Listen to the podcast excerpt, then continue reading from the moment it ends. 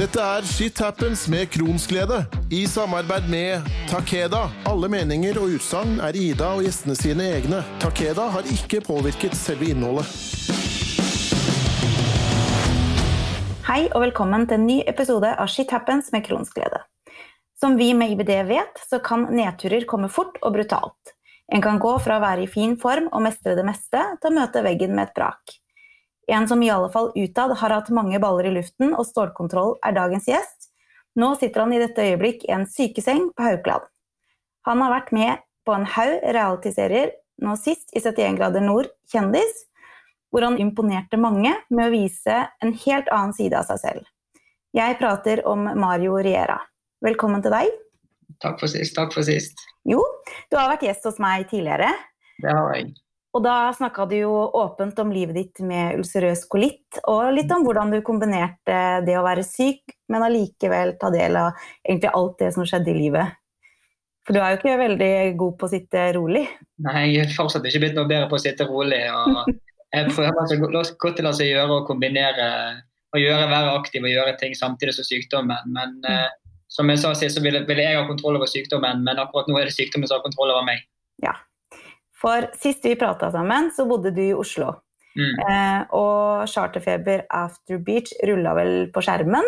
Ja. Eh, og du var jo utrolig positiv og hadde veldig god kontroll på sykdommen din. Du har ulcerøs kolitt. Mm. Eh, men nå er saken annerledes. Hva er det som har skjedd? Mm. Nei, Siden sist så har jeg vært på to nye to TV-program, Ex on the Beach og 71 grader nord. og ja. Jeg vet ikke, Det er bare kroppen som har respondert dårligere på medisin jeg har gått på. Så etter hvert har jeg bare blitt dårligere og dårligere. Og nå forrige uke så sa legen at det var ikke noe bra, nå må jeg legges inn. liksom. Mm.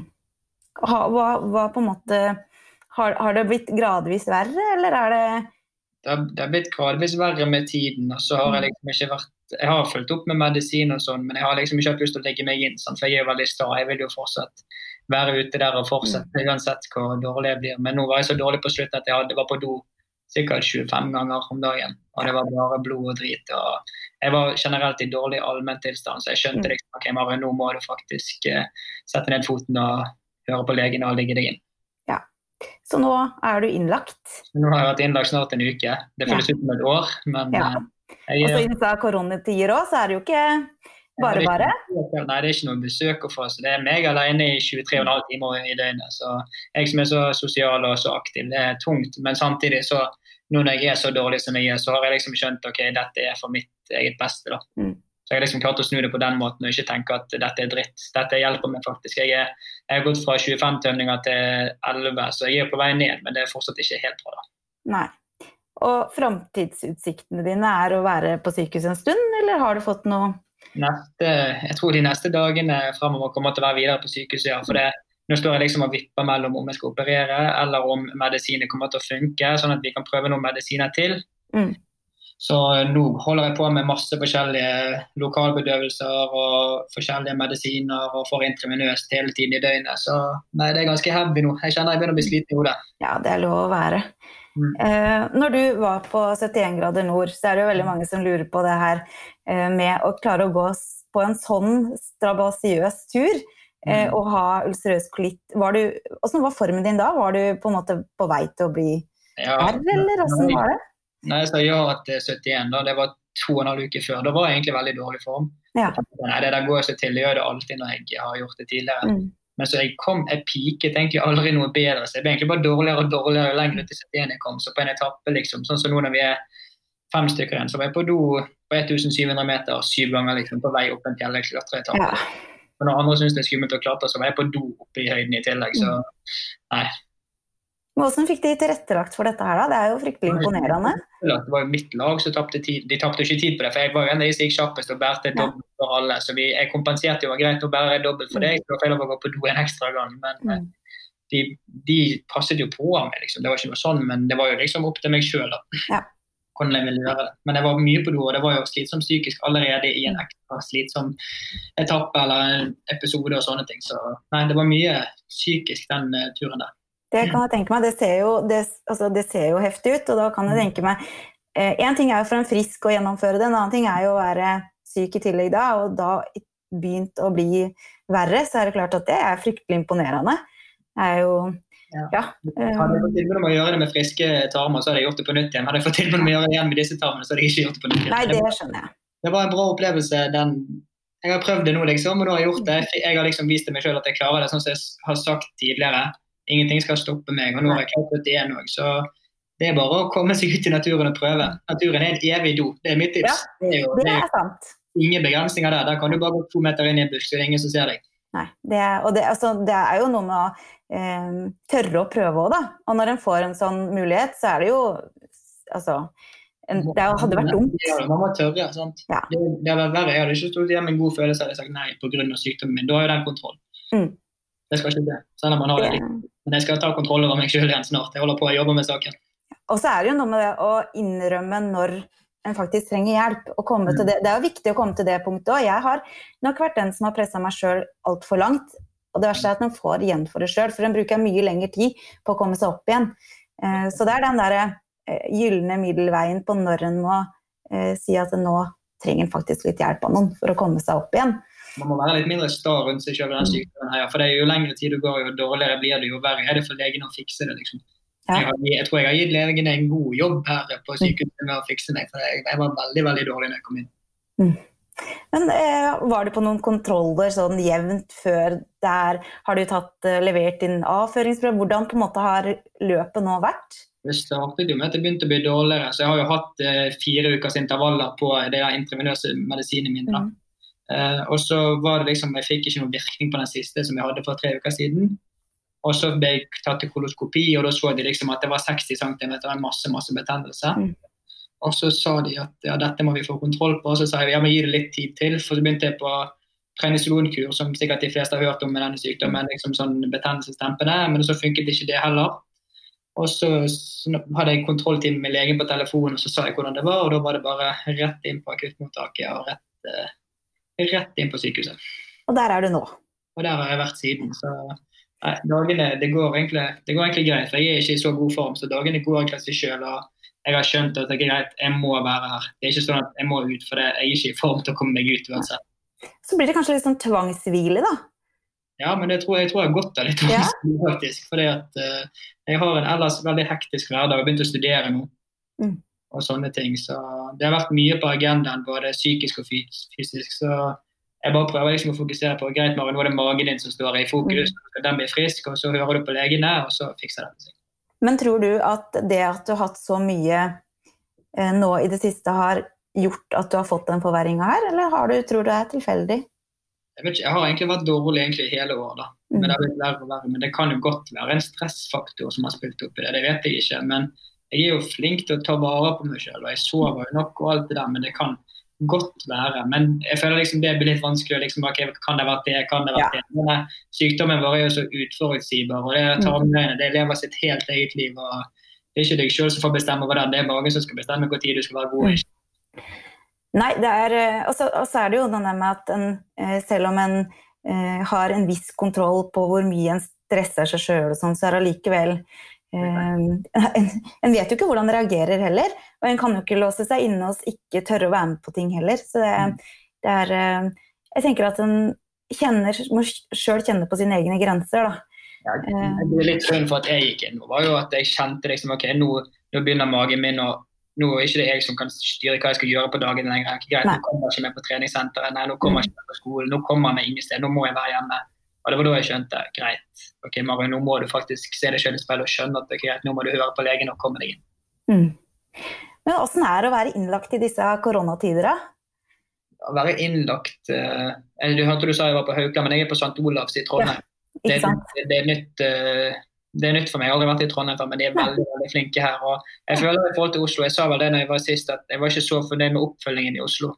Her, her passer de liksom på. Jeg har gått gjennom masse undersøkelser, jeg har gjort ting jeg aldri har sjekket før. og Jeg føler meg i skikkelig gode hender. Så bra.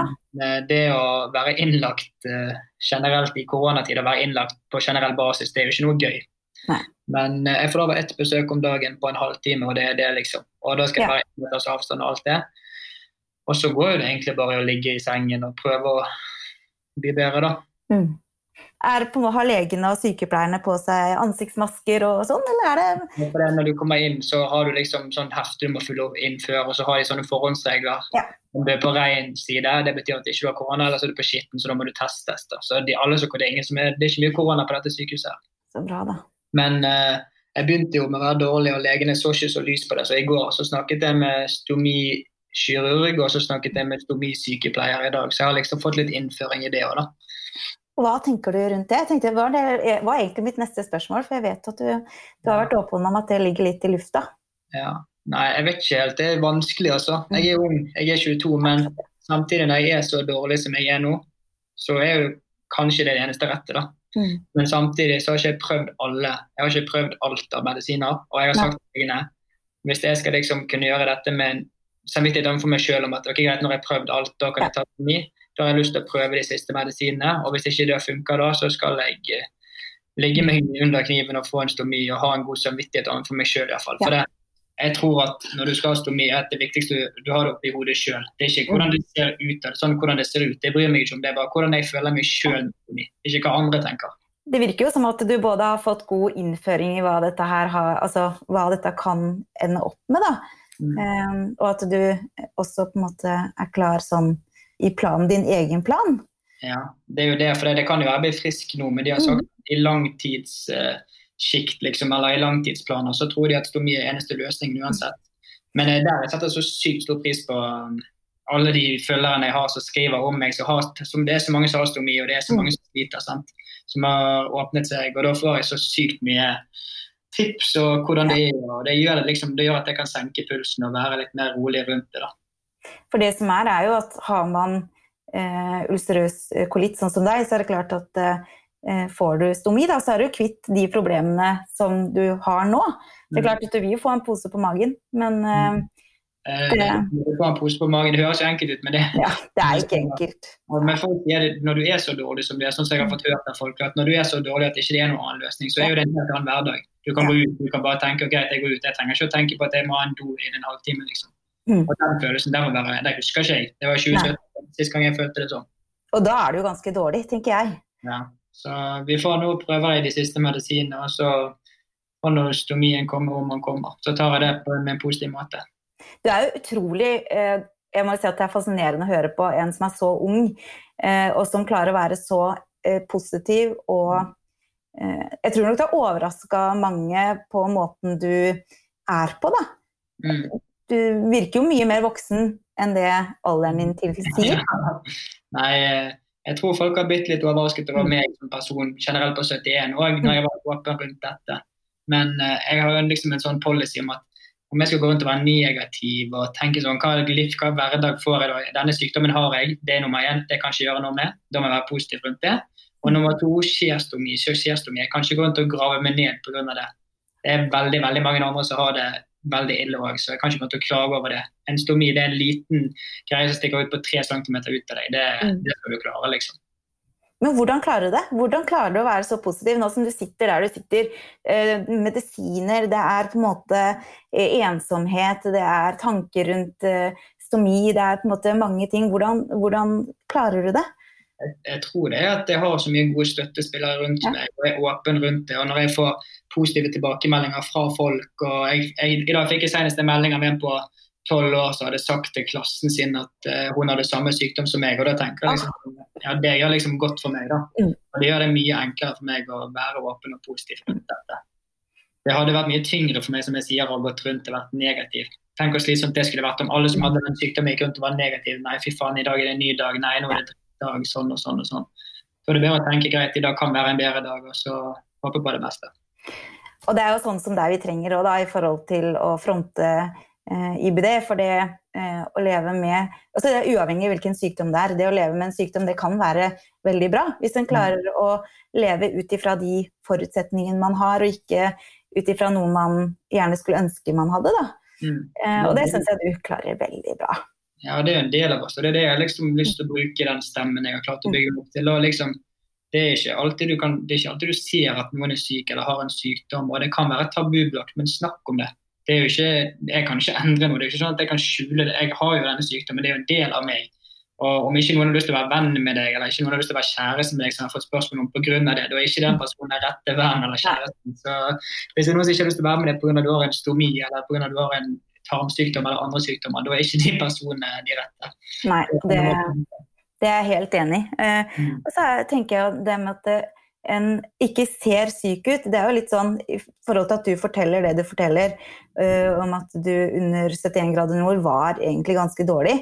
Uh, for meg som sitter og ser på, så kan ikke jeg se det. Uh, og det er egentlig en veldig viktig ting å få fram. Eh, for vi ser jo ikke syke ut. Vi ser helt friske ut. Eh, og det kan kanskje få øynene opp litt hos folk. da. At eh, du var faktisk så syk at du nå sitter og er innlagt. Mm. Det er jo ikke eh, jeg kom hjem heller, det er jo tre måneder siden. Jeg var ja. liksom, det er jo sånn, det er ikke alle som ser syke ut utad. Det er derfor du ikke må dømme folk heller. Synes jeg. Sånn, jeg var på, jeg var på handikaptoalett et sted, og da var det bare med pekefingeren pekefinger. Sånn. Jeg bare, Hva vet du om hva jeg holder på med på min sånn, så det, de må, Folk må begynne å åpne øynene ditt, tenker jeg. Og det er det jeg håper jeg klarer å få til, for det er mange sykdommer. sant?